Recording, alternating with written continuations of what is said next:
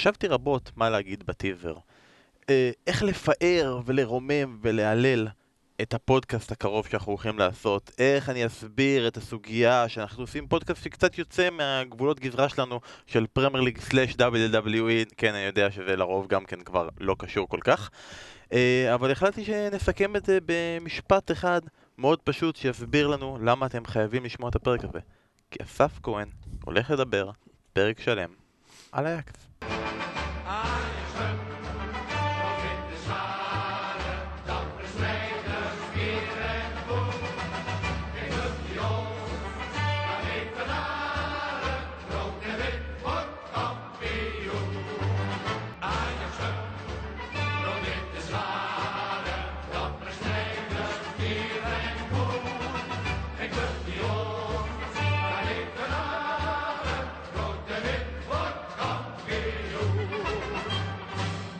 טוב, אז שמענו את השיר הנהדר הזה של אייקס, ועכשיו אסף, רק תסביר לנו מה שמענו. זה ההמנון, ההמנון של אייקס כבר הרבה מאוד שנים כמובן, אה, על הלוחמים האמיצים, אה, מלאי הגאווה ורוח הלחימה. אה, אין אף קבוצה שיכולה להשתוות אלינו, אדום ולבן יהיו אלופים. זה התרגום ככה הפשוט. פשוט מאוד. אוקיי, יש השנה, מסכים איתי, דיבור בלתי פוסק על איאקס. מה שיוצר את הדיבור הזה, הבלתי פוסק על איאקס, זה איאקס. כי השנה, באמת, על ההישגים שלהם בליגת האלופות אה, דובר והורחב, ולא נעשה, סתם, נעשה את זה לאורך אה, פרק שלם עכשיו. אה, אני רוצה לדעת, אבל מהזווית שלך, כמישהו שמלווה את הכדורגל ההולנדי ולאט לאט ביסס עצמו כאיש הכדורגל ההולנדי של ישראל אבל עכשיו כולם מדברים על איאקס, ועכשיו כולם מספרים את הסיפור, וכולם אה, עושים את הכתבות, וכולם מכירים, וכולם יודעים, וכולם זה. עד כמה זה מרגיש שמתערבים בדבר הזה שהוא שלך, ולוקחים לך אותו קצת, או שאתה שמח לחלוק את הדבר הזה עם כולם? שמח לחלוק לגמרי, זה באמת משהו שהוא כל כך יפה, הוא כל כך חיובי, כלומר זה לא שבאים פה ו... יש מספיק לכולם, ו- ואנשים פה נהנים מכדורגל אמיתי וטוב, אתה, ומדברים על, ה- על היופי שלו, ועל רוח הנעורים, ועל אה, אה, איך הדבר היפה הזה של שחקני בית שמצליחים, והשחקני בית ש- שפרשו ועכשיו הם בצוות המקצועי ובצוות הניהולי, אה, אז זה מאוד מאוד משמח שכולם כל כך אה, בעד. אתה יודע, בשנים האחרונות אה, עיקר השאלות שהיו, שהופנו כלפיי זה מה הכדורגל ההולנדי ירד, והוא לעולם לא יחזור, ותמיד התשובה שלי הייתה... מי שיודע לעבוד כמו שצריך, אז אה, יש כמה שנים פחות טובות, הם יחזרו, אתם תראו, זה קרה יותר מהר משאני אפילו צ, צ, צפיתי או ציפיתי שיקרה, אה, אבל אני מאוד שמח שכולם כל כך בתוך זה. השאלה הבאה שלי מתחברת בעצם למה שאמרת, כי יש תהייה כל הזמן, עד כמה זה חד פעמי. העונה הזאת של אייקס. זה חד פעמי, זה לא חד פעמי, כי עוד פעם זה, זה מתחבר למה שאמרנו קודם, שיודעים לעבוד, אז אה, יכול להיות שזה ייקח עוד 20 שנה, יכול להיות שזה ייקח עוד 5 שנים, זה יחזור שוב. הקבוצה הספציפית הזאת, זה חד פעמי, כי השחקנים הכי משמעותיים של פרנקי דיונג, מתי זה ליכט, הם יעזבו בסוף העונה הזו, זה, זה ברור לכולם.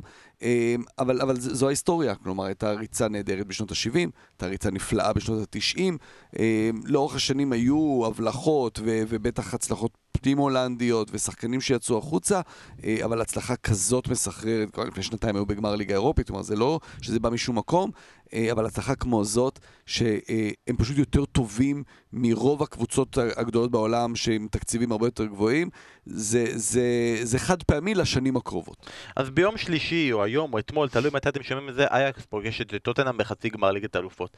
אנחנו לא נתמקד במשחק הזה, כי אנחנו רוצים לעשות את הפרק הזה כפרק שיהיה לכם כיף להאזין בו היום, מחר, בכל יום בשבוע, בכל רגע שבא לכם להיזכר באייקס הנפלאה הזאת, אפילו עוד שנה או שנתיים. אה, אז בעיקר נספר את הסיפורים ונדבר קצת על השחקנים המרכזיים של הקבוצה הזו העונה. ולפני שנגיע לשחקנים המרכזיים, אני רוצה רגע להתחיל בחוליה אחת מעליהם.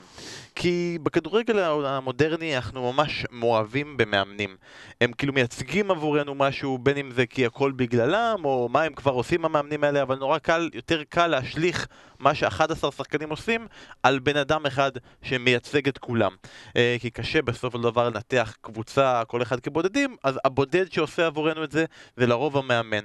ואנחנו בעידן של גוורדיולות ושל קלוב, באמת הרבה מאוד, מוריניו כמובן, דיבורים על מאמנים, וגם באייקס אנחנו לא היינו חפים מזה, בין אם זה שני המאמנים הכי מפורסמים שיצאו משם, בין אם זה יוהאן קרויף, למרות שאנחנו יותר זוכרים את זה מהתקופה בברצלונה כמאמן, ובין אם זה לואי ואן חאל, בתקופה שהוא לקח אותם לליגת אלופות, ואפילו לפני שנתיים שהם היו בליגה האירופית, אני לא יודע אם זה רק בגלל הקשר הישראלי ומכבי תל אביב, אבל היה הרבה הרבה הרבה דיבור על פיטר בוס, כן. ואחר כך התנועה שלו לדורטמונד. ולמרות כל זה, ולמרות העונה, ולמרות הצורת משחק והכל, אני לא כל כך שומע דיבור על אריק תנח. תסביר לי למה.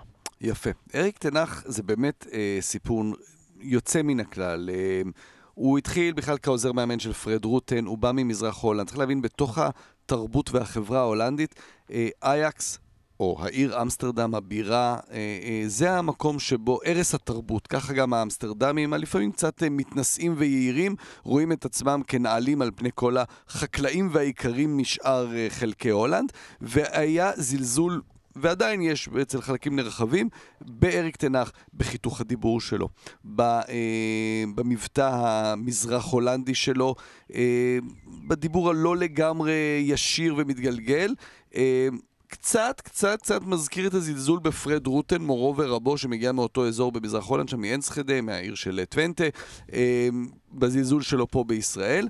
אה, ובאייקס אוהבים שהמאמנים שלהם הם שחקני עבר, מפוארים, מרקו ון בסטן וקרויף וון חאל, כמו, כמו שאמרת, ו, ויש להם את, ה, את ה sex appeal הזה של אני מרקו ון בסטן, אני דניס ברקאמפ, אני, אני פה ה, ה, מי שעשה את זה על הדשא, וטן האח הוא לא זה. מנותק מהשושלת אייקס לחלוטין. לחלוטין. אפילו לא... היה אוהד של קבוצה אחרת. כן, כן, לא, הוא גם לא שיחק מעולם באייקס, לא, לא, לא עבר שם. אה, החיבור שלו מגיע דווקא בדרך העוקפת אייקס. הוא היה אה, שנת... בשני... בשנים של פפ כמאמן ביירן, הוא היה מאמן קבוצת המילואים של ביירן, למד ממנו הרבה, מזכיר אותו גם מבחינה חיצונית, אבל גם בכדורגל שלו, ו- ומה שהוא מביא לאייקס זה באמת את השדרוג הנוסף, כלומר אם היה איזושהי, איזשהו קיפאון, הכישלון של הכדורגל ההולנדי בשנים האחרונות היה נבע גם בהרבה מהקיפאון בדרג של המאמנים, שכבר לא היו מאמנים בטופ של הכדורגל, מאמנים שתמיד היו נאמנים ל-4-3-3 הזה של החזקה בכדור, הנעת כדור מאחור, ולא הצליחו ל- ל- ל- בעצם לתרגם את הכדורגל הזה לכדורגל הבאמת של השנים האחרונות, ותנח כן עושה את זה. זה בא לידי ביטוי במערך השונה שהוא משחק איתו באירופה, עם ה-4-2-3-1, עם המגינים מגינים שנכנסים לאמצע, עם שני שחקנים זייח וטאדיץ' שמשחקים בתפקיד חופשי לחלוטין והם כבר לא שחקני כנף כמו פעם. יש, אה, בהולנדית יש את הביטוי אה, שלשחקני הכנף צריך להיות על כפות הרגליים, צריך להיות סימנים של גיר, של סיד. הם כל הזמן היו על הכנף. הם צריכים להיות על הקו, הם צריכים להיות על הקו. תזכרו במרקו אוברמרס למשל, על הקו, על הקו, על הקו, הגבהה מחפש את החלוץ. אין את זה יותר, טאדיץ' וזייח לא משחקים שם, הם, הם, הם חופשיים, כבר נכנסים לאמצע, אה, אז זה דברים שטן האח שינה. אה, הרבה יותר, אתה יודע, to the point, להבקיע שערים, לא, לא רק להניע כדור, אפשר לפעמים לוותר על הכדור ו, ולשחק אה, אחרת ש, כשצריך, ותנח שינה קצת את, ה, את המחשבה הזו שיכולים גם לבוא מה... מהחקלאים והאיכרים יכולים לבוא וגם להראות לנו, ללמד אותנו את האמסטרדמים מה זה כדורגל. עזוב אמסטרדמים, הציפו ציוץ שלך מלפני כמה שנים, שאתה ניסית לשדך את אריק תנח למכבי תל אביב, למה זה לא קרה? זהו, זה, זה גדול. אני, ניצן לבנה, איש הטוויטר הנהדר, אה, העלה את זה, איזה ציוץ שאני שכחתי, שבדיוק אה, כשמכבי חיפשה מאמן. לפני אז, בוס או אה, אחרי בוס? אחרי בוס, ואז אמרתי, צייצתי שאם ג'ורדי עוד בעניין, ו... כדאי לו להסתכל באוטרכט, יש מאמן נפלא, מה זה כדאי לו להסתכל? הוא מכיר אותו אישית היטב, אתה יודע, זה גם דרך פפ, אה, אבל אז הוא החליט ללכת על ליטו וידיגאל, אה, תנח. אז עוד היה זמן שאולי הוא גם היה מגיע למכבי תל אביב, אתה יודע, הוא יכול היה להציע הרבה יותר כסף מאוטרכט, אה, זה עוד היה לפני שהוא הגיע לאייקס, קצת כמו פטר בוס, אבל...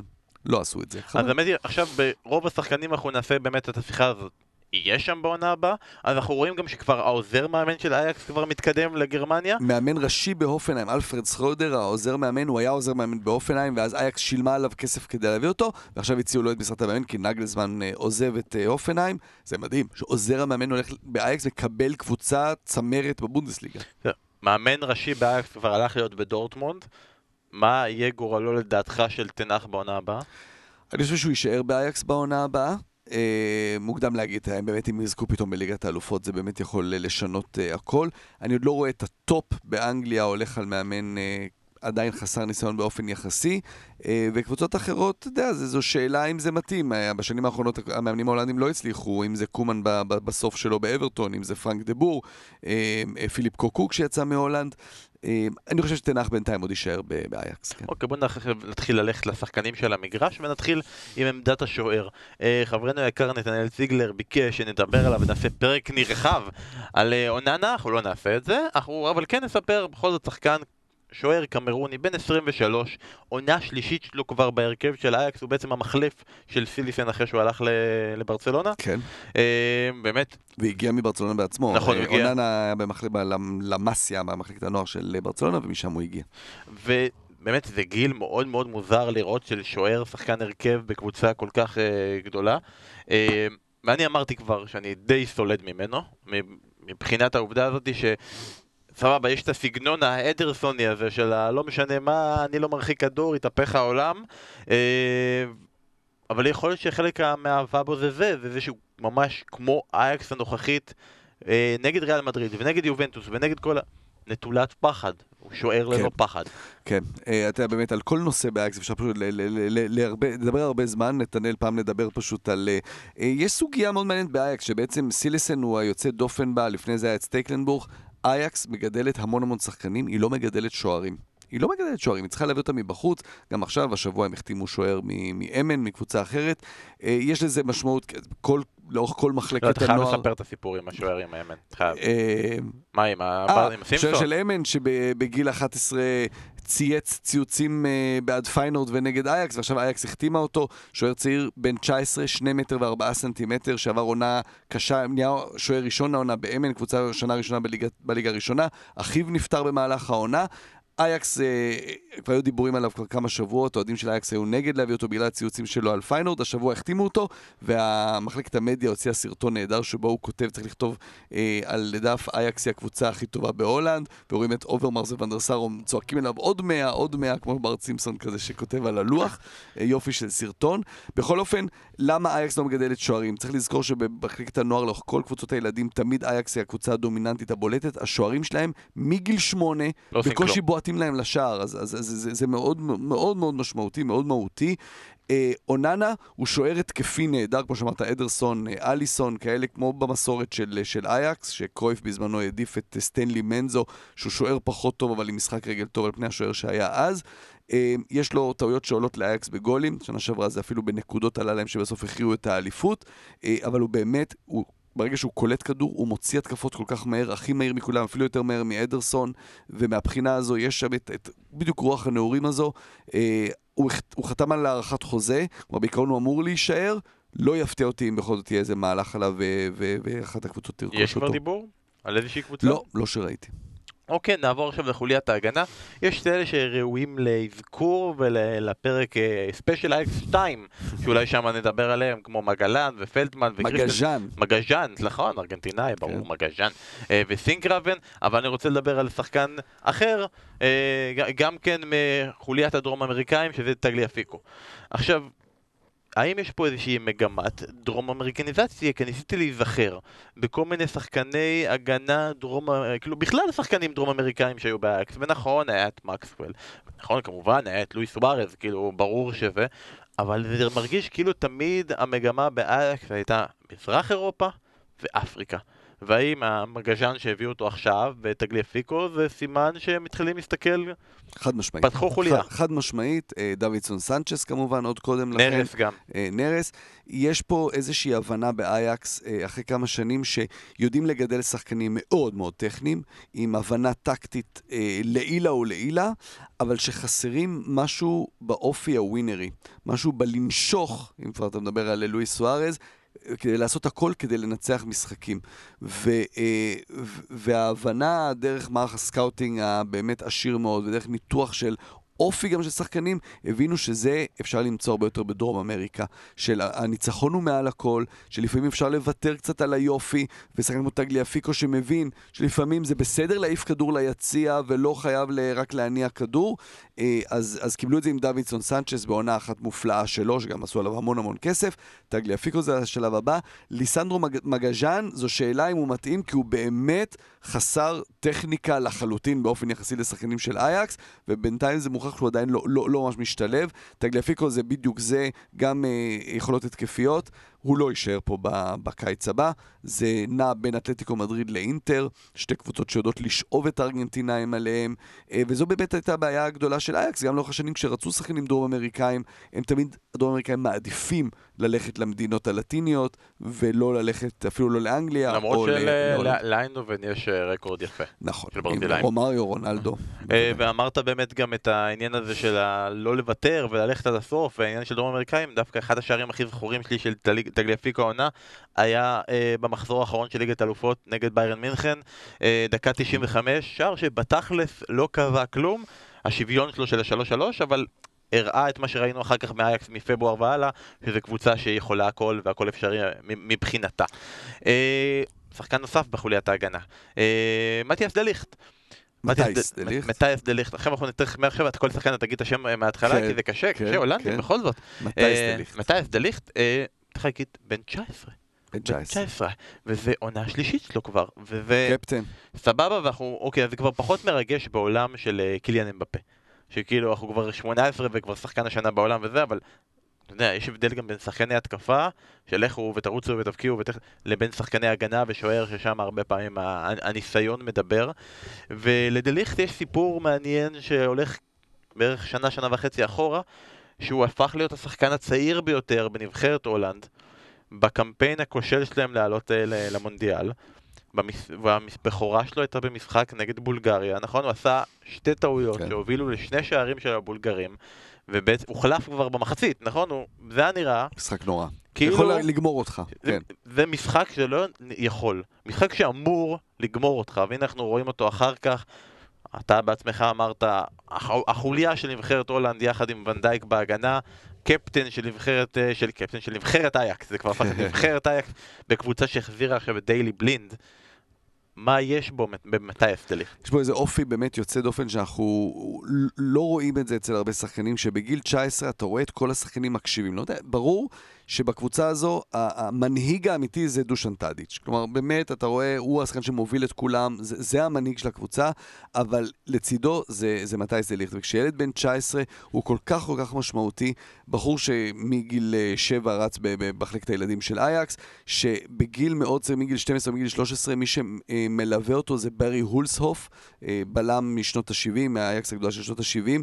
זה משהו שנהוג באייקס, ששחקני עבר מלווים את השחקנים הצעירים, והוא גם היה בלם בעצמו וגם מנהיג, גם כשהיה כמובן את קרויף שהיה המוביל האמיתי בקבוצה הזו.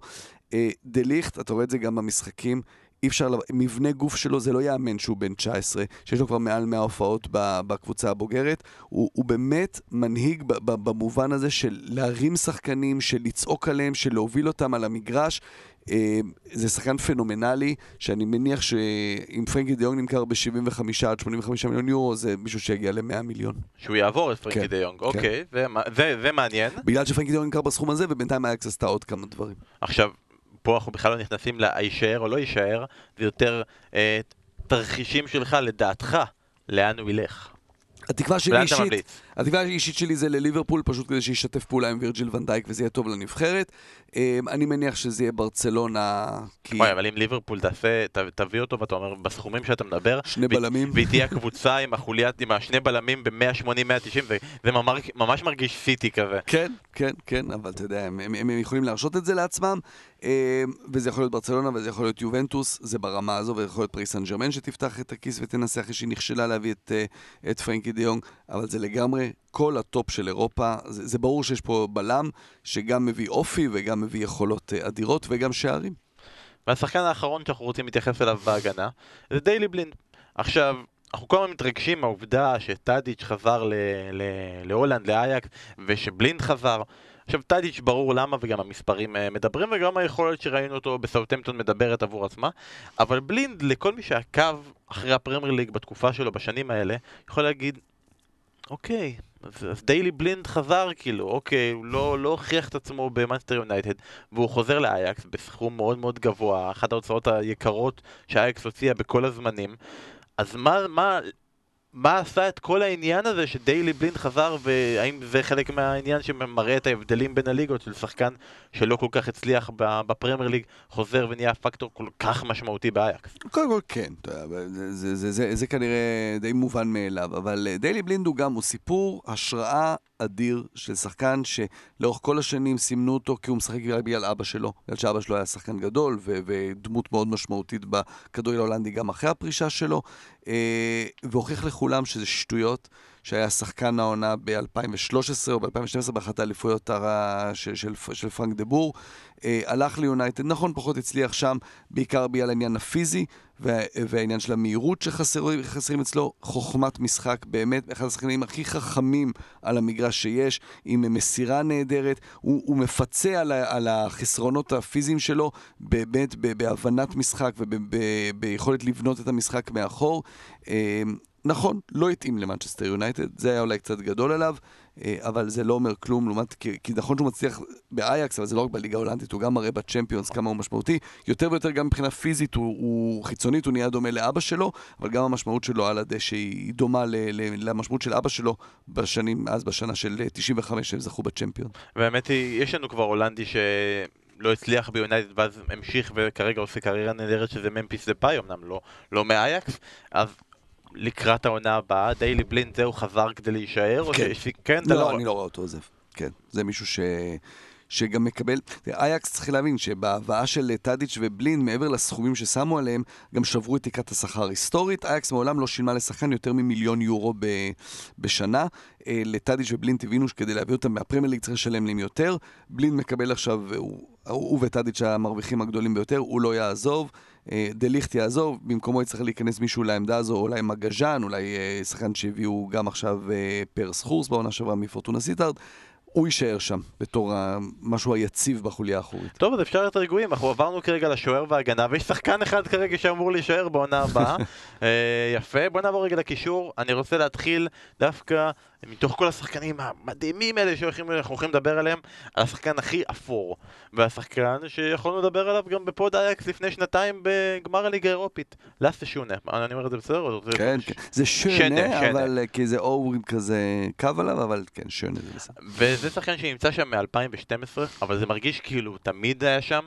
אולי זה לא תמיד היה הוא, אבל זה תמיד היה איזה ביטוי שלו, איזה, איזה, איזה דני אקראי, כאילו, לפעמים קראו לו פישר, ולפעמים קראו לו פלסן, ולפעמים קראו לו אה, קרונדלי, ולפעמים הוא היה ממש עילוי וקראו לו קריסטיאן אריקסן, למרות שאי אפשר להשוות בין לאסטה שנה לקריסטיאן אריקסן. אז קודם כל נתחיל, מה הקטע של האקסים דנים? היסטורית כמובן. אה. אה, עוד לפני, אה, יספר אולסן, סורן לרבי, יאן מולבי, גדולי אה, הכדורגל הדני, אחרי זה האחים לאודרופ אה, בשנות התשעים, מורטן אולסן שאימן אותה בסוף שנות התשעים. גבוהים, אז הם עם זה? מה? לא, יש קרבה כמובן גיאוגרפית. הדנים משתלבים מאוד מאוד בקלות בהולנד, לומדים מהר מאוד את השפה, ממש בתוך אה, חודשיים, שלושה, אתה רואה הרבה שחקנים שדוברים את השפה לגמרי. הכדורגל הדני למד המון מהכדורגל ההולנדי בדנמרק. בדנמרק מחלקות הנוער ממש מבוססות על הכדורגל של, של על הכדורגל ההולנדי, ו, והקשר הוא מאוד ברור, מאוד קל להם, גם לא בהכרח להגיע לאייקס. שחקן כמו שונה הגיע בגיל צעיר אה, לאירנביין, או מגיעים למקומות אחרים, אז, אה, אז, אז הקשר הדני, דני, הולנדי, או בעיקר לאייקס, הוא באמת חזק מאוד משנות ה-70 כבר. אוקיי, והוא לא השחקן הכי מבוגר באייקס, עוד נגיע לשחקן הכי כן. מבוגר, אה, אבל בתוספת הוותיקות והגיל, בין 32, הוא בעצם נותן את הניסיון לקבוצת הצעירים הפרועים והעולזים? כן, כן, את הניסיון, את לאסה שונה, זה, זה באמת מדהים, כי זרקנו פה שמות אדירים, אבל הוא... אה, ממש לפני כחודש הוא שבר את השיא, הוא השחקן עם הכי הרבה הופעות באייקס של שחקן זר, הוא שבר את השיא של סורן לרבי של אה, דני אחר, וצריך לזכור, הוא הגיע ב-2012, הוא הגיע בתור שחקן משלים, להיות עוד שחקן בסגל, ובאמת אתה רואה את זה בכל עונה, הוא מתחיל כשחקן ספסל, ובמחזור השישי-שביעי הוא הופך להיות שחקן הרכב, והראשון בהרכב, הוא ממש הדבק בין ההגנה לקישור. ראו שכשכולם עולים למעלה, הוא זוכר שצריך להישאר גם מישהו מאחור כדי לעצור התקפות, עם המסירות, עם הבעיטות החופשיות הנפלאות שלו, אהוב על כולם, הוא באמת הדבק גם על המגרש וגם מחוץ למגרש, אה, וזה נורא יפה, גם גם אה, נותן, מזכיר לכולם שלא תמיד צריך את הכישרון, אלא לפעמים עבודה קשה שווה לא פחות, וזה מה שלאסה שונה, הוא מסמל לכולם באייקס ומסביב לה. אבל עשית בעיה, כי הזכרת את הבעיטות החופשיות המדהימות שלו, ועכשיו כולם הלכו, ורואים את הבעיטה החופשית המדהימה שלו נגד ריאל מדריד, אז אנחנו נחכה רגע שכולם יסיימו לראות ויתפעלו, ויחזרו, ואני מקווה שחזרתם להיות איתנו, אנחנו עוברים לשחקן הבא, אה, דוני ון דה בייק.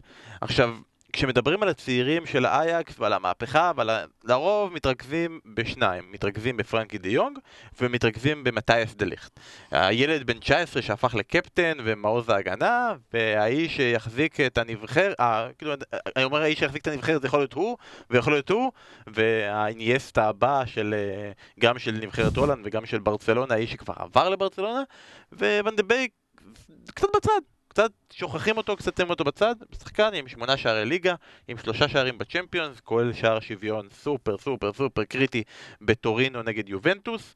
אה, צריך להגיד להגנתו של אוזן שהוא תמיד מזכיר אותו, אבל כן. למה ון דה בייק בצד ולמה זה לא בסדר שהוא בצד. ון דה בייק אין לו את, הכישרון המולד הזה של פרנקי דה יונג, של אה, לעשות עם הכדור דברים שאתה אומר, לא יאמן שהוא עושה אותם, אבל ון דה בייק משלים, הרי בקבוצה אתה לא צריך 11 אה, מרדונה, 11 מסי, ון דה בייק משלים את הדברים שהשחקנים האחרים לא נותנים. גם פרנקי דה יונג, גם זייח, גם טאדיץ', גם נרס, שחקנים שאוהבים את הכדור לרגל. אנחנו מאוד אוהבים לראות את זה, כי זה שחקנים שתמיד עושים איזשהו קסם עם הכדור. דוני ון דה בייק לא צריך את הכדור לרגל, הוא יש לו את היכולת לזהות את השטח הפנוי, יש לו את הריצות לעומק, תשים לב, הגולים שלו תמיד מגיעים מאיזה ריצה שלו שאף אחד לא שם לב, הכדור מגיע אליו, בטח עם שחקנים עם מסירה כל כך מופלאה, צריכים את השחקן הזה. אה, אז זה ון דה בייק נותן משהו ששחקנים אחרים לא נותנים באייקס, את היכולת הזאת להגיע מאחור ולכבוש, והוא גם... הוא חברו הטוב של אפי נורי. אפי נורי, הבחור שהתר... אה, שהתמוטט לפני אה, כמעט שנתיים במשחק אימון של אייקס, שבאמת היה, הוא היה ההבטחה הגדולה של מחלקת הנוער. דוני ון דה בייק הולך איתו מגיל שמונה במחלקת הילדים, תמיד מזכיר אותו. אם אייקס תזכה השנה באליפות, זאת תהיה האליפות ה-34, המספר של אה, אפי וואו. נורי, זה, זה הכל, הכל מאוד מאוד אה, סימבולי. דושן טאדיץ' כבש העונה עד כה בכל המסגרות, 34 שערים. אבל...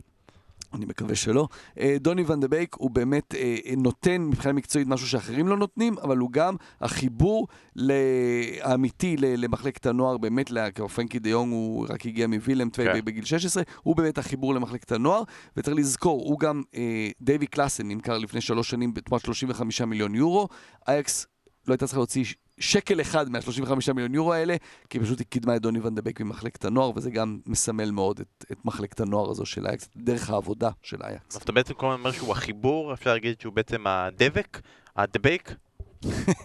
בדיוק. אוקיי. יפה, בתפקיד שרון כן, דוידוביץ' בן לא פורגס. שרון לא פה, אז מישהו חייב. אוקיי, הגענו לבן אדם שכולם רצו לדבר עליו, אולי חוץ מעוד שחקן אחד או שניים או שלושה, זה בעייתי מאוד באייקס, אה, פרנקי די יונג. אוקיי, הזכרת את זה שהוא הגיע מוולם טווי, שבטח חוגגים על, הסכום, על הסכם סולידריות. מדהים. כן. כאילו, יש דיבור, יש דיבור, אני לא יודע אם זה נכון או לא, שהם, אה, שאייקס שילמה עבורו יורו אחד. ושהיורו האחד הזה הופך להיות... שישה או שבעה מיליון עכשיו כדמי סולידריות מהסכום שברצלונה משלמת, כן. כן, זה נקרא מחשבה לעתיד. לקבוצה כמו וילם טווי זה מאוד מאוד משמעותי קדימה. פרנקי דה יונג, באמת, כבר נאמר כל כך הרבה.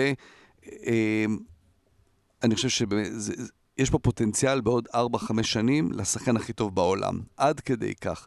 אה, יש אבולוציה בכדורגל, אה, אנחנו רגילים לדבר על התפקיד של איניאסטה, על התפקיד של אה, בוסקץ, על התפקיד של צ'אבי בברצלונה, הוא שלושתם ביחד. הוא שלושתם ביחד, הוא הדבר הבא. היכולת שלו הדריבל שלו מופלא, הוא כמעט ולא עושה טעויות, הוא כמעט ולא מאבד כדורים. הוא לוקח כדור מה, מהבלמים, מוביל אותו קדימה עם הדריבל שלו, מושך אליו שניים שלושה שחקנים ותמיד מוסר בזמן, ובעצם בונה את ההתקפות כבר מהחלק הזה כשהוא מבטל שלושה שחקני קישור של, אה, של, של, של היריבה. אה, יש לו מהירות, יש לו דברים, הוא מזכיר את קרויף בזה שבתנועה שלו היא תמיד מהאגן, מהאגן הירחיים, היכולת שלו להשתחרר משחקנים במין ריקוד כזה, כמו איזה נחש כזה שבורח מהשחקנים שלו, הוא לא קרויף, הוא לא שחקן התקפה כמו קרויף, והוא צריך עוד לשפר מאוד את המספרים שלו בגולים ובבישולים. אבל באמת, ונפלתי בעבר כבר עם תחזיות לגבי שחקנים, ולפעמים uh, צדקתי ב... פה התחושה שלי שמדובר באמת בדבר, הוא כבר עכשיו דבר גדול, כן? זה לא רק שהוא פוטנציאל. הוא כבר הוגדר בעצם הרכישה שלו של ברצלונה כדבר גדול הבא. בדיוק, הוא כבר שם כשחקן מוביל, אני חושב שבאמת עוד 4-5 שנים, טופ שלוש בעולם. טוב, אז בעצם אמרנו שלא רק אתה מהמר אליו, אלא גדולי אנשי הכדורגל, ובעצם התייחסת לזה, שחקן שיודע לשבור קווי הגנה, ויש לו הטעיות גוף מדהימות, והוא יודע לנער שחקנים מעליו, הוא יודע לשמור על הכדור. ממש יום קרויף. ביטחון עצמי מפה עד הירח, אז רק עבור אוהדי ברצלונה, אמרת בעצם את שלושת השחקנים שהוא מגלם אה, בגוף אחד. במקום מי בתכלס הוא מגיע? בוסקץ, בוסקץ, כן. לא, לא, אולי לא להשנה, אבל עכשיו הוא משחק לידו, יש גם את ארתור שם שעושה עונה טובה, אני חושב שבסופו של דבר הוא, הוא יחליף את uh, בוסקץ, כן. אוקיי. וכנראה, כמו ש... אה, אה, צ'אבי החליף את פפ, ואז פפ אימן את צ'אבי והפך אותו לעוד יותר גדול, אז אני מניח שגם בוסקץ בבוא הזמן יאמן את פרנקי דה יונג. מעניין, נחמד, הימור כזה. נחמד. אה, טוב, זה השחקן היחידי שאנחנו יודעים כבר שעוזב, ואין פה את ההימור על ללכת לא ללכת. אגב, פספסנו אחד, אז בואו נשלים, ון דה בייק. ון דה בייק זו שאלה קשה. אמ, אייקס תנסה מאוד לשמור עליו, כי היא יודעת שהיא הולכת לאבד הרבה מאוד שחקנים, וכדי לשמור על איזושהי יציבות היא תנסה לשמור עליו, זה לא יהיה פשוט בכלל. זה שחקן שאני אה, לא רואה אותו עדיין אה, באיזה יונייטד או, או סיטי או משהו כזה, אבל קבוצה כמו אברטון, שנפלה בדיוק עם קלאסן, עם קודמו, אה, אז זה בדיוק הקבוצה שיכולה עכשיו לבוא ולשים 40-50 מיליון יורו עליו. שחקן הבא שאנחנו הולכים לדבר עליו זה תלוי איך אתם רוצים לקרוא לו, יש כאלה שיגידו זיח ויש כאלה שיגידו זייש ואנחנו פה בפוד על אייקס הולנדים ואנחנו נגיד זיח, כאילו, ברור.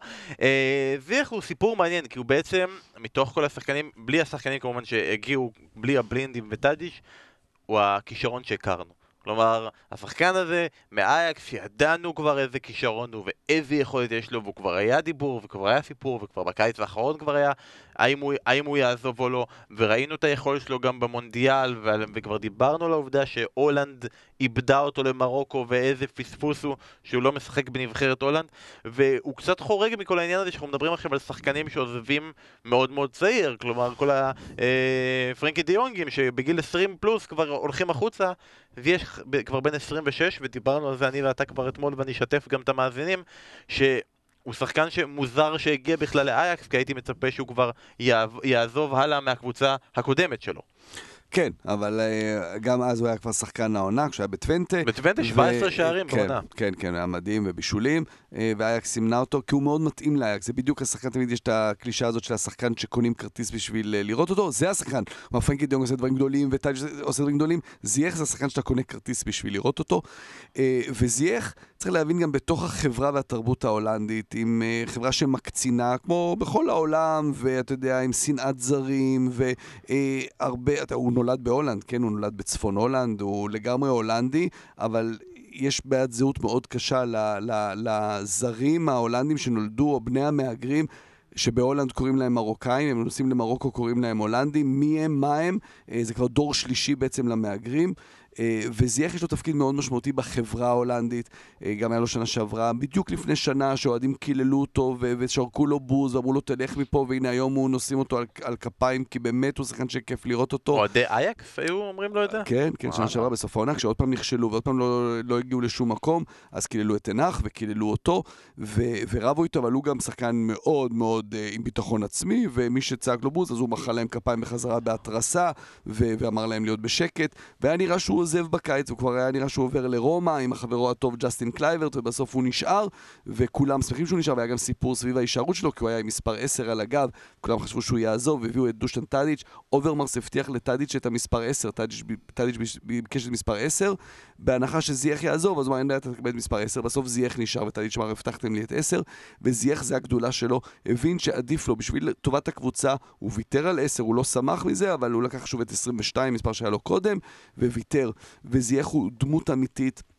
לפני חודש שחקן הולנדי, ליאון דה קוכל, ששחקן מקבוצה קטנה שנפצע קשה בתאונת דרכים בספרד בינואר, ולא היה לו כסף, הביטוח לא כיסה לו את, ה, את, ה, את השיקום, הוא גמר כדורגל מהתאונת דרכים הזו, ועשו לו איזשהו, אה, אה, בקבוצות הקודמות שלו, אוטרכט וגויד איגלס, עשו מבצע התרמה כדי להשיג לו כסף לטיפול בו, ואז הוא הגיעו רק למחצית מהסכום, ויום אחרי זה זייח התקשר אליו, והשחקן עצמו סיפר את זה, לא זייח, התקשר ואמר לו, אני משלים לך את כל הטיפולים. כלומר, באמת דמות להערצה למרוקאים בהולנד, להולנדים בהולנד, וזה עוד לפני שבכלל מדברים על הכדורגל שלו, שהוא באמת, באמת, אני לא סתם אומר את זה, מהשחקנים שאתה פשוט פותח טלוויזיה או בא למגרש כדי לראות אותם קוסם כדורגל. לא, הסיפור של הפרק, ללא ספק מה שסיפרת עכשיו, כן נחזור רגע לכדורגל, צריך להגיד שבליגה יש לו כרגע 12 בישולים כמו טאדיץ' ו-16 שערים, והוא סגן מלך השערים, אחרי טאדיץ'. אה, ו- וצריך להגיד עליו, שחקן שאתה רואה אותו לא הכי חזק, לא הכי פיזי, אה, שלמד, שבקבוצות שהוא היה בהן, באירנבן ובטוונטה הוא היה כוכב, הוא לא היה עושה כלום חוץ מלעמוד בהתקפה ולהבקיע ולבשל. בטוונטה, בשנתיים שלו שם, 70% מהשערים של הקבוצה הוא הבקיע או בישל. באייקס הוא גם הפך להיות השחקן שמחלץ הכי הרבה כדורים, מתקל הכי הרבה ורץ הכי הרבה, שזה באמת מדהים, כי זה לא השחקנים שבשבילם קונים כרטיס, זה לא השחקנים שעושים את הדברים האלה, הוא עושה גם את הדברים הללו. ובעונה הבאה? בעונה הבאה. אני מניח ש... אני חושב שהפרמייר ליג זה קצת גדול עליו מבחינה פיזית, לא מבחינת כדורגל, מבחינת כדורגל הוא... הלוואי והוא יגיע לקבוצה כמו ליברפול, הוא מתאים להם מבחינה התקפית. אה, יכול להיות שליגה גרמנית, ליגה איטלקית יותר מתאימה לו מבחינה פיזית. הוא בדורטמונד, זה, זה, זה כתוב משמיים, זה כאילו, בוא תשחק בדורטמונד. לא בוא תשחק עם שחקנים כמו רויס ואולי במקום סנצ'ו. ולדעתך, אם באמת צריך לעשות את המדד, אחרי ששמנו את דה יונג בצד, השחקן שהכי יהיה מחוזר, הכי רוצים לקחת אותו, והוא או דה ליכט? דה ליכט, עדיין, כי גם יש עוד כמה, הוא יותר צעיר. זה שנים. כן. אוקיי. Uh, טוב, ויש את השחקן הזה שמונע ממנו להיות מלך הבישולים, ומונע ממנו להיות מלך השערים, שזה דושן טאדיץ', והוא מעלה את השאלה הפילוסופית שהתעסקנו בה כמה פעמים, ונגיע לה שוב עכשיו. למה תמיד צריך להיות uh, זנב לאריות? האם כדאי להיות זנב לאריות? הוא היה בפרמייר ליג, היה בסאוטמפטון, כן, סוג של זנב לאריות, התקשה שם פיזית, אמר עצמו, אני אאבד שנות משחק מהחיים שלי אם אני אשאר בפרמייר ליג, אני מעדיף ללכת לקבוצה אחרת, אה, לקבוצה בליגה פחות קשוחה, פחות עמוסה, פחות עומס פיזי, מנטלי, כל דבר שהוא, ואני לא חושב שהטאדיץ' שאנחנו רואים בסאוטמפטון שאנחנו רואים באייקס גם בזכות זה. יכול להיות שאנחנו מקובעים בקונספציות, ואנחנו אומרים, אוקיי, הוא עוזב את... אה... את סארטמפטון שיעבור לאייקס, אז הוא עוזב כדי להיות אה, זנב לאריות, ראש לשועלים. יכול להיות שהוא הבין בעצמו, ובעיניים שלו הוא הלך להיות ראש לאריות. כלומר, באמת, אנחנו מין, יש לנו את הקונספציה הזאת, אוקיי, אתה עוסק בפרמייר ליג, אז אתה... ראש לאריות או ראש לשועלים? ראש לאריות, עובדה. הוא, בח... הוא מוביל, הוא השחקן הכי טוב, מבחינת מספרים, מבחינת מוביל את ההתקפה, בקבוצה שהיא טופ 4 באירופה כרגע. אוקיי. אוקיי. יכול להיות שהוא הבין את זה, שהוא ראה את זה, הוא אמר בעצמו, אני רוצה לשמור על הגוף שלי, אני רוצה לשחק בקצב קצת יותר נמוך כדי לשחק יותר שנים, אבל הוא גם אמר, אני הערצתי את אייקס בגיל צעיר, אני חושב שזה אמיתי, לא מסוג הדברים שאומרים כשמגיעים לקבוצה. אמ, והוא בא, הביאו אותו ואת בלינד בשלב מאוד מוקדם של הקיץ כדי שיעזרו לעלות בכלל לצ'מפיונס, כן, כן עברו שלושה שלבים. אה, יכול להיות שהוא ראה פה משהו והבין משהו. שהוא הולך להיות ראש, ל, ראש לאריות. עובדה, זה מה שקורה כרגע. ובצד השני, אני רוצה להגיד גם על טאדיץ', שאני אהבתי אותו בימים שלו בכרונינגן ובטוונטה, וגם בימים בסאות'מפטון, היה אחד השחקנים האהובים עליי בפרמייר ליג. איזה כיף זה כשמגיע שחקן שאתה נורא נורא אוהב אותו, שהוא גם מגיע לקבוצה שלך. כשאתה אוהב אותו בלי שהוא בקבוצה כן. שלך, זה לא קורה הרבה. ואז פתאום הוא מגיע לקבוצה שלך כשכבר לא ציפית שהוא יגיע, כי זה לא חלק מהמסלול הקבוע. אז אנחנו נורא בקונספציות מסוימות, חיים בתבניות. אז הנה, שוברים לנו את התבניות הללו. נכון, אנחנו גם קדרגנו את זה שניימר עבר לפריס סן ג'רמן, ואמרנו שבלי ליגת האלופות זה לא יכול להוכיח את עצמו, וכנ"ל בפה כל עוד הוא יעבור לקבוצה גדולה, אבל uh, איך הכדורגל בעצם האירופי יכל להרשות לעצמו לוותר על שחקן כמו דושן טאדיץ', וזה שחקן שעונה הבאה הולך חזרה החוצה, עוד פעם? לא, לא, זה שחקן שיישאר. זה שחקן שיישאר, שמבין שזה המקום שלו. אה, אז הוא, בעצ... הוא ויתר על כסף כשהוא בא לאייקס וויתר על סאות'מפטון. אני חושב שהוא הבין בעצמו כן, שהוא לא, לא יגיע לסיטי או לליברפול או משהו כזה. זה כנראה, אתה יודע, מתוקף דיבורים על, על, על, על מה, מה היו ההצעות שהיו לו, אז הוא העדיף ללכת לאייקס. הוא מלך באמסטרדם. הוא, הוא, הוא באמת אהוב, אתה רואה אותו גם, הוא מאוד אוהב את עצמו, הוא גם דיבר על הגוף שלו, לשמור על הגוף שלו, אתה רואה שבסוף משחק הוא הראשון להוריד חולצה ולהראות את הגוף, הפסל אפולו שלו, והוא אוהב את האהבה הזאת, ואני לא חושב שהוא יוותר על זה כל כך. כן, אבל אתה מדבר על שחקן שכשהוא עזב את סאוטמפטון, הוא היה שחקן מאוד מוצלח, בנבחרת אה, סרביה והכל, אבל ל...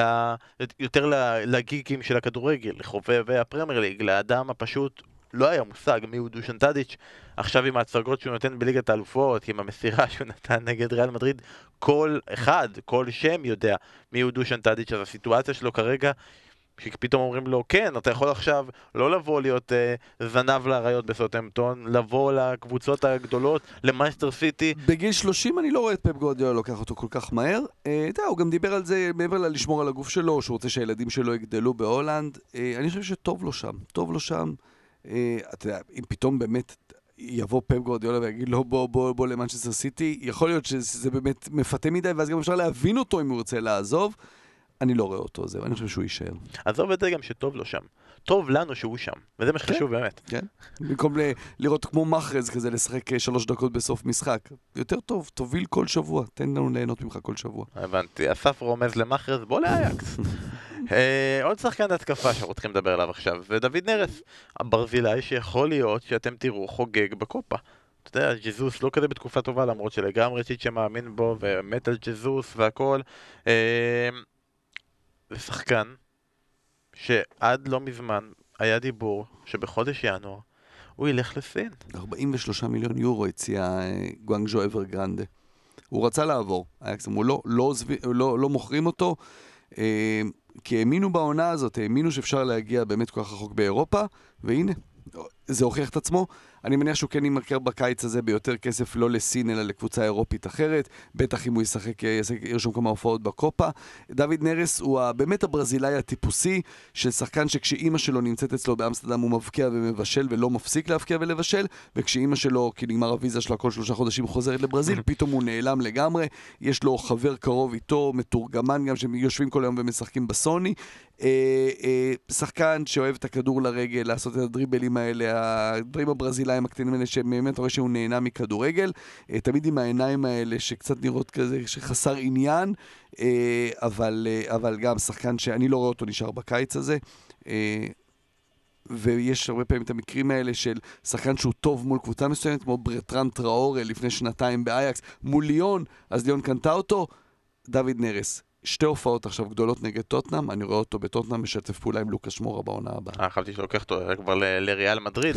אה, טוב, אמרת בעצם את המהלכים הברזילאים אתמול בפאנל שלנו, מי שיצא לו, אני מאמין שגם הסרטון יעלה לאתר של ספורט אחת, קליפ על הביצועים שלו, איזה תרגילים, איזה איזה רונלדיניו והכל. היה לו גם את הגול המדהים נגד ריאל ש... שהוא עקף את קורטואה, שבתכלס זכור בגלל ה... המהלך שובר ההגנה ורגליים והמשפיל שעשה שם טאדיץ', אה, שהשפיל את קסמירו, והשפיל זה פועל טוב למה שנגיד אה, באמת אה, דוד נרס עשה במשחק הזה לקרבחל. נכון. וואו, כאילו... נכון, הוא- נכון, הוא- נכון. הוא יזכור את זה כל חייו, אתה יודע. אין ספק, ואתה יודע, אתה צודק, אולי, אתה יודע, בדרך כלל ברזילאים או דרום אמריקאים אוהבים ללכת למדינות הלטיניות, אז אולי דווקא נראה אותו פתאום בספרד או באיטליה.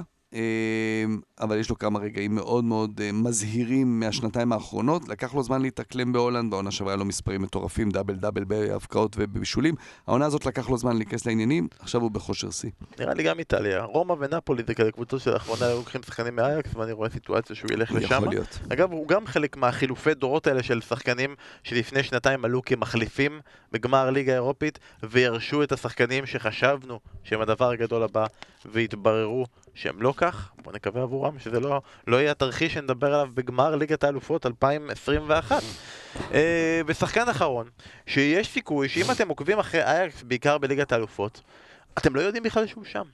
כי הוא לא כל כך משחק בליגת האלופות, הוא יותר הבסיס של הליגה ההולנדית, וזה קלאסיאן הונטלר, שזה מצחיק לדבר על שחקן שהיה היה כבר באייקס, וריאל, ומילאן, ושלקה, והיה מלך שערים בשתי ליגות, ואין לו אליפות ברזומה. מלך שערים של הפלטינס ארנה ושל היוהאן קרויף ארנה. כלומר, בשני אצטדיונים הוא מלך השערים של הקבוצה הזאת, באמת מבקיע כל הזמן הצייד, זה הכינוי שלו, כמובן הונטלר, הונטר, הנטר, אז זה, זה, ה- זה הכינוי. אה, מדהים, בלי, בלי, בלי אליפויות, מדהים, גם, אה, גם באייקס, גם בריאל, גם במילאן. אה, השנה, זה מאוד ברור שהוא רוצה את האליפות הזאת, הוא היה מאוד משמעותי במשחקים בליגה. אה, זה ההבדל בין אייקס של הליגה לאירופה, ב- בליגה היא משחקת 4-3-3 עם חלוץ 9 אמיתי, באירופה היא משחקת עם טאדיץ' בתפקיד הזה, אז מוותרת על הונטלר. אה, הוא באמת מבין שהתפקיד שלו הוא לא להיות השחקן המרכזי ושכל העיניים עליו, למרות שחלוץ 9, זה ידוע האמירה בהולנד, התפקיד הכי, הכי מלחיץ בכדורגל ההולנדי זה החלוץ המרכזי באייקס. כי כל שנה מצפים ממנו להגיע ל-30 שערים. תמיד משווים אותו לואן באסטן, או, לג'וני בוסמן, זלאטן או. לזלאטן וכאלה, בדיוק. אז הונטלאר לא מצפים ממנו את זה, מצפים ממנו להיכנס בדקות המכריעות בליגה, או לתת את הגולים בליגה, הוא עושה את זה בצורה נהדרת. בגיל 35, האם זו כרגע מתוכננת להיות עונת הפרישה? לא, לא, הוא האריך את החוזה בעונה נוספת. האריך את החוזה בעונה נוספת, כן. והאמת היא, אתה אומר כמה הוא רוצה את זה, ראינו, הוא בעצם העניק לאייקס לא מזמן ניצחון נגד חרונינגן, כן. אז גם קיבל אדום. כמה זמן הוא מורחק? לא, לא, משחק אחד, משחק אחד, וחזר, הכל בסדר. ותן לנו רגע את הסיבה למה החלוץ המוביל של אייקס לא משחק כמעט בליגת אלופות? למה? בגלל השיטה פשוט, בגלל השיטה שמעדיפים לשחק עם טאדיץ' כתשע מזויף, אה, שבורח מהגנות, ואז בעצם זה מאפשר לאייקס הרבה יותר להחליף מקומות בין טאדיץ', זייח, אה, ואן בייק ונרס. אה, הונטלר הוא באמת חלוץ תשע, או דולברג ש- שאמור היה להיות בעמדה הזאת ולא מצליח באמת למלא את ה... אולי הוא האכזבה הגדולה. לא רוצים תשע כזה אחד שעומד במקום, אלא קבוצה שזזה, ש- שכל הזמן משנה מקום, ולכן משחקים עם טאדיץ'. דיברנו על רוב השחקנים המרכזיים שרצינו לדבר עליהם. דולברג באמת הוא גם נושא מעניין כי הוא ההבטחה שלו הצליחה. עוד בעודו באייקס, ולרוב כן. הם הולכים ולא מצליחים והוא נעצר כבר שם. Um, אני רוצה לשמוע מה אתה אומר, כי אנחנו, כשאנחנו מדברים על אייקס, אני שומע הרבה מאוד ביקורת גם בתוך הערוץ שאומרת, מה כל זה שווה? אם בסופו של דבר הפרויקט הזה הולך להתפרק, כל השחקנים הולכים לעוף לכל עבר, ואייקס הזאתי שאנחנו רואים השנה לא תיראה ככה בעונה הבאה, אולי לא תיראה ככה לעולם. מה התגובה שלך לכל המקטרגים האלו? זה שוב, התבניות האלה שבהן אנחנו חיים, שמה זה שווה אם, אם, אם, אם זה לא נמשך לאורך זמן. קודם כל זה שווה כי תהנו עכשיו. לא כל הזמן לחשוב, גם כשנולד לך ילד, אז אתה כל הזמן ב, אה, מוצא את עצמך במחשבה של, אה, רגע, אם הוא עכשיו בן שלושה חודשים, הוא צריך לעשות ככה וככה וככה, ומתי הוא יעשה את השלב הבא. לא, תהנו ממה שיש עכשיו. אייקס הזאת, זה, זה הכדורגל שאנחנו רוצים ומייחלים לו. תהנו ממנו. באייקס מבינים, אי אפשר לשמור את השחקנים האלה, אין מה לעשות. יש, אה, נכון שיש כסף בקופה, ויהיה עוד הרבה יותר כסף בקופה מהמכירות של כמה מהשחקנים, אי אפשר לשמור את רוב השחקנים הללו. וחלק מהעניין זה גם להבין, כשהאקדמיה עובדת בצורה כזו שתמיד שחקן, אם בנערים ב' עוזב שחקן כי הוא עובר לנערים א', אז מביאים שחקן מנערים ג' שימלא את התפקיד שלו. גם בבוגרים, אם עוזב שחקן, אם דייווי קלאסן, אם דייווי קלאסן לא היה, לא היה עוזב, לא היה דוני ון דה ביק. אם דווינסון סנצ'ס לא היה עוזב לטוטנאם, לא היה מקום למטייס דה ליכט. ככה זה עובד. עכשיו, לא תמיד אה, מתפנה מקום ויש שחקן בנוער ש, שיכול למלא את המקום, ואז מביאים שחקנים מבחוץ, כמו טאדיץ', כמו סוארז פעם, וכן הלאה וכן הלאה. אה, חלק מהעניין הזה של, של uh, להתקדם, של, של אבולוציה, של uh, לפ, uh, uh, למצוא שחקנים ש, שימלאו את המקום, זה לתת לשחקנים להתקדם, לעזוב. ברור שעדיף שזה יהיה כמו קריסטיאן אריקסן, שיעזוב בגיל 23, כשכבר אין לו מה ללמוד בליגה ההולנדית, ו- ואחרי שהוא נתן לאייקס והביא אותה לאליפויות, ולא לעזוב אחרי שנה, שנה, שנתיים בבוגרים. זה הכדורגל, אין מה לעשות, ככה זה, זה עובד, צריך לדעת ליהנות מזה. ובעצם... עברנו על השחקנים, וכאילו הגענו למצב שבו אנחנו באמת מדברים על כמות נכבדת מאוד של שחקנים שאנחנו צופים שהם יעזבו הקיץ. והסתכלנו טיפה אחורה על העברות שהאקס עשתה בשנים האחרונות, ולא הצלחנו למצוא שחקן שאפשר להגיד כבר שהוא הוכיח את עצמו והצליח בקבוצה אחרת, כנראה מאז קריסטיאן אריקסן, אתה יודע, יש כאלה שהם גבוליים כאלה, עם דווינסון סנצ'ז אפשר להגדיר שהוא הצליח בטוטנאם או לא הצליח, והאם אה, מיליק אפשר להגיד שהוא הצליח בנפולי בכל זאת, היה גם פצוע הרבה מאוד זמן, וזה כאילו קצת אה, בניגוד נגיד לאיינדובן, שבמהלך השנים האלה כן הצליחה להוציא כמה שחקנים מוצלחים, בין אם זה אה, מרטנס שהלך לנפולי באותה תקופה של אריקסן, בין אם זה ויינלדום ודה פאי, שאומנם לא הצליח ביונייטד, אבל עכשיו הוא מאוד מצליח בליון. מי מתוך כל השחקנים האלה כולל פרנקי דה יונג או לא כולל איך שאתה עושה, בסוף הכי יצליח, לדעתך. אתה יודע, זה רק הזמן יגיד, וזה עניין של אופי. ו... אתה תגיד. ואני, אני חושב שפרנקי דה יונג, כבר אמרתי את זה קודם, שאני חושב שהוא יהיה טופ שלוש בעולם, אז, אז אני חושב שפרנקי דה יונג זה, זה מישהו שיצליח בכל מקום, גם לפי ה... האופי הזה, שאתה רואה אותו גם מתראיין אחרי משחקים ואחרי 90 דקות מאומצות וזה, בא ומנתח לך את המשחק נקי, מדבר כדורגל.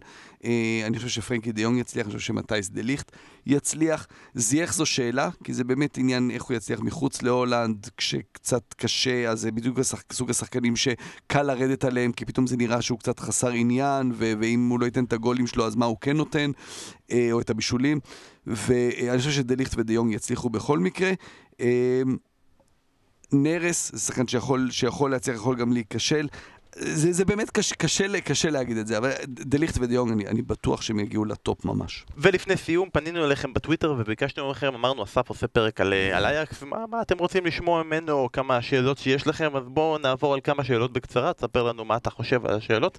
אה, סגי למן שואל, שזו שאלה שגם יותר רשומה לי, ואני מעביר אותה לסגי כן. למן, אה, האם אתה מזהה בנוער, ואני מוסיף לך אולי שחקנים נוספים שאייקס כבר שמה עליהם עין, שיכולים להיכנס לנעליים הגדולות, ענקיות, ענקיות, ששחקני אייקס הולכים להשאיר מאחוריהם.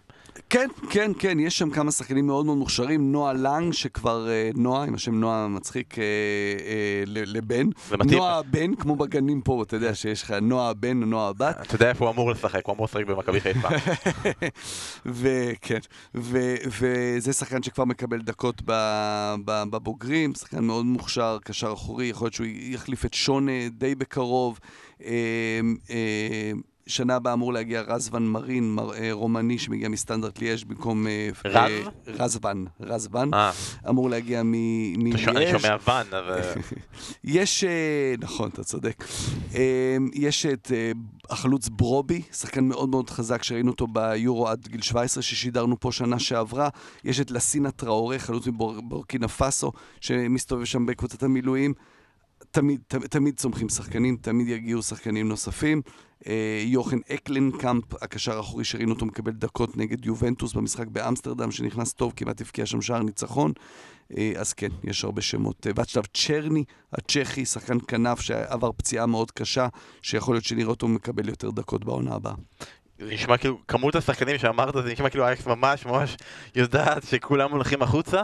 אה, רון פורמן שואל, אה, האם זה מרגיש לך שונה לעומת שני המשחקים הקודמים בליגת האלופות, נגד ריאל מדריד ונגד יובנטוס, ששם אייקס באה כאנדרדוגית מוחלטת, שמול טוטנאם אה, הם באים או כפייבוריטים, או לפחות די, די מאוזן, האם לדעתך זה ישנה ביחס של טוטנאם, ביחס של אייקס, בסיטואציה שהמשחק הזה יתפתח? אני חושב שאייקס תשחק אותו דבר, כי זה, היא מבינה שהכוח שלה, זה באמת מה שיפה באייקס, היא מבינה שהכוח שלה זה בהתקפה, זה ב, ב, ביכולת שלהם אה, אה, ליזום וליצור הזדמנויות, בטח במשחק הראשון שהוא בחוץ, גם אה, מעבר לזה שאייקס הגיע כאנדרדוג ברור, בשני המשחקים הקודמים, שני המפגשים הקודמים היא אירחה את הראשון ושיחקה בחוץ במשחק השני. כאן, בגלל שטוטנאם בלי קיין, בלי, בלי סון, בתקווה גם בלי סיסוקו, אה, אייקס צריכה לבוא ו- וליזום. אני לא חושב שהיא מסוגלת לשחק משחק אחר, היא תבוא לשחק אותו דבר. אה, אם זה ישנה משהו, אנחנו נראה. כי זה לא רק תלוי באייקס, אם היא תשחק אחרת, זה גם תלוי בטוטנאם, שפה... בניגוד ליובנטוס וריאל שמגיעות עם ההילה, עם ה... אנחנו, זה המשחק שלנו, ואנחנו נשחק ככה. אה, פוצ'טינו זה מאמן ברמה, לא שהמאמנים האחרים הם לא טובים, אבל אה, שהוא משנה תוך כדי משחק שלוש וארבע שיטות, ו- ויכול להתאים את עצמו, פתאום משחקים שלושה בלמים, פתאום זה ארבע, ארבע, שתיים, פתאום זה ארבע, שתיים, שלוש, אחת. יהיה יותר קשה לאייקס מול טוטנאם, בגלל שהיא כל פעם משנה את שיטת המשחק שלה, ואיך אייקס תתמודד. זה דבר אחד, וגם מול בלמים. אחד הדברים שאייקס עושה לאורך כל המשחקים אה, שראינו גם בליגה, בעיקר באירופה, זה לשלוח את זייח, לשלוח, אה, ללחוץ, אה, זייח וטאדיץ' לוחצים את הבלמים עם הכדור, כדי להכריח אותם למסור את הכדורים לצדדים. ואז אייקס מעדיפה את הכדור בצדדים אצל המגינים, שהם פחות מוכשרים, ואז היא לוחצת אותם וחוטפת כדורים די מהר. לטוטנאם יש את הבלמים, בעיקר אלדווירלד, גם ורטונגן, שיש להם משחק רגל נפלא, שבדיוק זה מה שהם עושים גם ככה, לשחק את הכדורים הארוכים למגינים. יכול להיות שהיתרון של אייקס מול יובנטוס ומול ריאל, הוא יהיה פחות משמעותי אה, מול, מול טוטנאם, מול הבלמים של טוטנאם, שהם כמובן שחקנים שלמדו את הכדורגל שלהם באייקס. מעניין, אז זה אנחנו נראה. בואו נמשיך הלאה עם השאלות. אה, יותם בר אפרים שואל האם ההישגים של הצ'מפיון של העונה הנוכחית, שאנחנו עדיין לא יודעים ליד, עד לאן הם יגיעו, הם לדעתך גדולים יותר מההישגים בשנות ה-70 או ב-90, בעיקר בגלל הפערים הכלכליים שהיום הם הרבה יותר משמעותיים. ולפני שאתה עונה נגיד את הדעה שלי, נגיד על הקבוצה שזכתה בליגת האלופות ב-95, אה, אייקס אמנם הייתה בבית עם מילאן, והיא הייתה גם בבית עם קווינו זלצבורג ועם אייק אתונה, עוד פעם אייק אתונה, נחמד, ואחר כך אומנם היא פגשה את ביירן מינכן, אבל היא פגשה גם בנוקאוט את איידוק ספליט. זה בכל זאת ליגת אלופות אחרת לגמרי, תקופה שונה לגמרי. לדעתי אין ספק שאייקס הנוכחית, עם הפערים הכלכליים, עם הסגנון של ליגת אלופות הקיים, ההישג שלה, ברור שזכייה יותר גדולה מלא זכייה, אבל הדרך קשה יותר. כן, כן, אין, אין, אין ספק, אה, אבל כן צריך לזכור דבר אחד. אייקס של אז של שנות ה-90 זה לא היה הבלחה של שנה אחת. זו הייתה קבוצה מאוד מאוד חזקה שזכתה ב-92 בגביע הוופא, שזכתה באלופות ב-95, שהגיעה לגמר ב-96 ולחצי גמר ב-97. כלומר, זו הייתה קבוצה שהייתה אה, אימפריה, באמת אימפריה לאורך שנים, גם כשעזבו שחקנים. הרי ב-92 היא זכתה בגביע הוופא עם ברקאמפ ועם יונק. וכבר בליגת אלופות הם כבר כמובן לא היו וכבר היו שחקנים אחרים. אולי, ותש... גם, הקבוצ... אולי גם הקבוצה הנוכחית היא ככה, פשוט אנחנו מקליטים את הפודקאסט ב-1992, כן, בהתחלה. יכול להיות, יכול להיות. Uh, ההישג הוא הרבה יותר מרשים, כמו שאמרת, בגלל העניין הזה של, של הליגה, ליגת האלופות היא הרבה יותר קשה, uh, מול קבוצות הרבה יותר עשירות, אבל uh, לאורך זמן האייקס הזו היא עדיין הבלחה, ולא לעומת הקבוצות, הקבוצה ההיא, אז אז לשים את זה ב... הקבוצה היא עדיין הייתה הרבה יותר גדולה מהקבוצה הזאת. גם כרגע. האמת היא גם לקבוצה יש כל כך הרבה שחקנים שהם בסופו של דבר מוכחים וגדולים ב... בהיסטוריה. ודוידס וקלייברט ו... וקאנו ו... ופינידי וש... וואן דר סאר ואוברמאס, באמת, זה כאילו, זה לא נגמר. רבים מהם תוכלו לקרוא בספר הגדול דשא. ליטמנן מעל אה, כולם. יפה, לא נכנס לחמישים. אבל יש שלב בספר. נכון. אה, סליחה על הספוילר. אה, שתי שאלות אחרונות. ארז ביטלקה. אוהד אייקס. האמת היא גם יותם בר אפרים הוא הולנדי שגר בהולנד ואוהד אייקס, וכיף אה, לראות את השאלות אותו, וארז ביטלקה הוא בכלל אחד מאוהדי אייקס הגדולים בישראל. אז אתם אומרים, למה אתם צריכים את ה pod? הם יכולים לשאול את אסף, נשמע שזה כבר איתו בקבוצת וואטסאפ, אז אה, הוא שואל מי השחקן שהכי היית בטוח שיצא ממנו משהו, והוא התרסק קיבינימט. הוא אומר שמבחינתו זה היה קישנה, ובעיקר אלגזי, שהוא הרגיש שהוא יכול להחליף את רונלדו בריאל, ואנחנו בסוף דיברנו עליו בפוד שהקלטנו uh, אתה יכול להגיד אתמול, אפשר כן, להגיד לפני שעה, אה, באסטון וילה בתקרית עם אה, ביאלסה, מי השחקן שהכי התרסק מבחינתך? אז uh, אתה אמור, כאילו, כשבאה שאלה כזאת עם שמות, אז אתה אמור לחדש, אבל אני, קודם כל זה אלגזי. אלגזי לא סתם אומר רונלדו בריאל. בשידורים ששידרנו אותו, אני קודם השוויתי אותו לקריסטיאנו רונלדו. הוא לא קריסטיאנו רונלדו, אבל בסג... בסג... במבנה הגוף, בסגנון שלו, קודם מחפש את השער. אנואר אלגזי, אני באמת, כמו שאני מדבר פה על פרנקי דה יונג, כמעט, ו... פרנקי דה יונג אני מדבר עליו יותר, אבל אנואר אלגזי גם ציפ... ציפ... ציפיתי, קיוויתי שהוא יהיה סוג של קריסטיאנו רונלדו בקטן, הוא לא. זו אכזבה אחת גדולה, זה כנראה עניין של אופי גם. אה, עוד שחקן שגם ציפיתי ממנו להרבה יותר זה רישדלי בזור. שהיה קשר אחורי באייקס של, אה, של פרנק דה בור, ו, וממש התרסק וולסבורג, עכשיו הוא משחק באוטרכט בהשאלה, זה ממש לא מה שציפו ממנו, שחקן גם עם הבנת משחק, עם ראיית משחק, אה, שלא לא הצליח לקיים את הפוטנציאל שלו. אה, בכלל, מהתקופה הזאת של פרנק דה בור, אז היה את ההצלחות של, של השנים הראשונות של אריקסן וורטונגן ואלדר וירלד, אבל היה גם את הכישלונות האלה, ג'יירו רידוולד, שלא לא הגיע לפאלאס ולא הגיע לשום מקום, קישנה שהוא ציין אותו, וגם אחרים. לא תמיד צריך, לא תמיד צריך לחדש, לפעמים אתה יכול להגיד, בואנה ארז, אתה, אתה חכם, אתה באמת צודק, אתה יודע. ארז צודק. אה, ושאלה אחרונה, מצטער, אבל זו שאלה אחרונה, אה, דניאל אור שואל, אם אייקס הנוכחית, נגיד תודח בחצי גמר ליגת אלופות אה, נגד טוטנאם, אפילו, אתה יודע, תודח, תודח, לא, לא תהיה קרובה אפילו, בוא, בצורה חד משמעית תודח. והיא לא תזכה באליפות, כי לא התייחסנו לזה ורציתי דווקא לגעת בזה, אבל היא כרגע עם כל האייקס הגדולה ליגת אלופות, לא לוקחת עדיין אליפות ועדיין במאבקים. רצה לטראבל, אבל יכולה להישאר בלי כלום. נכון, יש לה את וילם טווי בגמר גביע, והם עדיין... יום ראשון, בשבע, שידור אצלנו, ספורט אחת. נכון, כן. ויש לנו שני המחזורים האחרונים, גם יהיו בשידורים ישירים אצלנו בספורט אחת, הם עדיין במאבקים מול איינדובן, נניח, היא לא זוכה.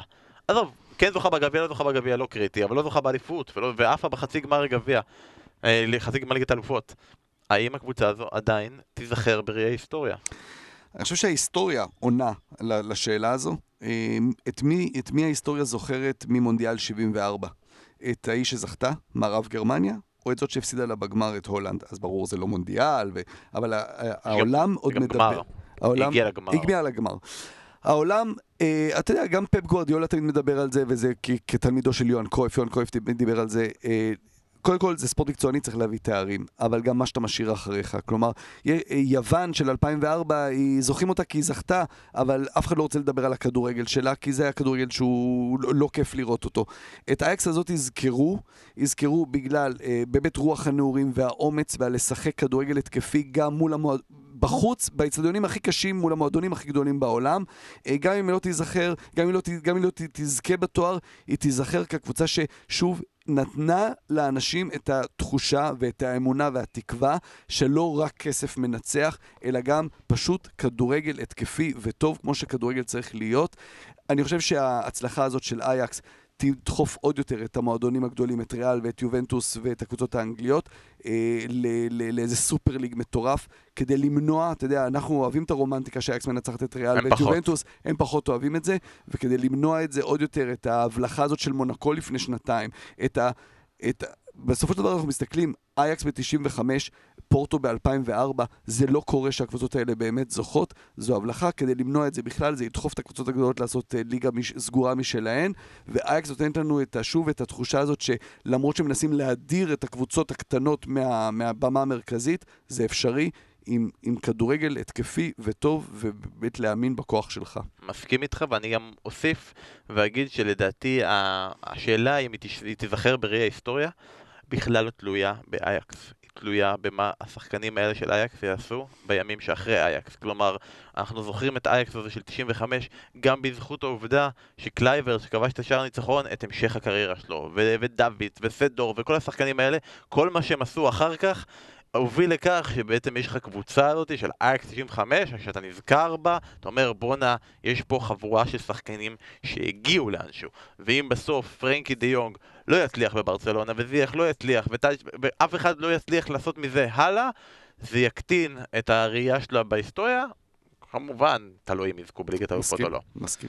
ובחלק זה נסיים, ובאמת חבל, כי אסף יש לו עוד כל כך הרבה דברים להגיד. אני רוצה להגיד שיש בו דפים שלמים שזה, אבל הוא, החבר'ה, הוא, הוא בלי דפים. הכל מהראש, הכל נזרק פה, ויש עוד כל כך הרבה שאנחנו עוד רוצים להוציא ממך מהראש עוד הזה. עוד יבוא, עוד יבוא. ו... ייתנו לנו את ההזדמנות לדבר עליהם. אז הרחבנו את כל מה שיש לך על אייקס, מי הקבוצה הבאה שאתה הכי אוהב ורוצה להרחיב עליה? אמ, אל תגיד קטמון. לא, עליהם, עליהם, קשה, אין, אין מה לדבר, אין מה לדבר. אפשר לדבר על עוד קבוצות בהולנד, באנגליה, תמיד כיף לדבר על כדורגל. דברו איתנו בטוויטר ובפייסבוק, תגידו מה עוד אתם רוצים שעשה... מה עוד אתם רוצים, איך אתם רוצים לחלוב את הפרה הזו שנקראת... בוא נדבר על פיינורד פעם הבאה, אם דיברנו על אייקס, אז על היריבה הגדולה. מותר לך גם לדבר גם על אייקס וגם על פיינורד? נכון, אנשי מקצוע. אסף כהן, תודה רבה לך, היה לי לעונג. חבר'ה, שני פרקים בשבוע, תנו בכפיים, תנו בכבוד. תהנו מאייקס כל עוד אתם יכולים, תהנו מהשחקנים האלה כי יהיה לכם עוד יכולת ליהנות מהם עוד שנים רבות. תהנו מאסף כהן הזה, הבלתי נגמר. תודה רבה לכם שהאזנתם. תודה, ביי. להתראות.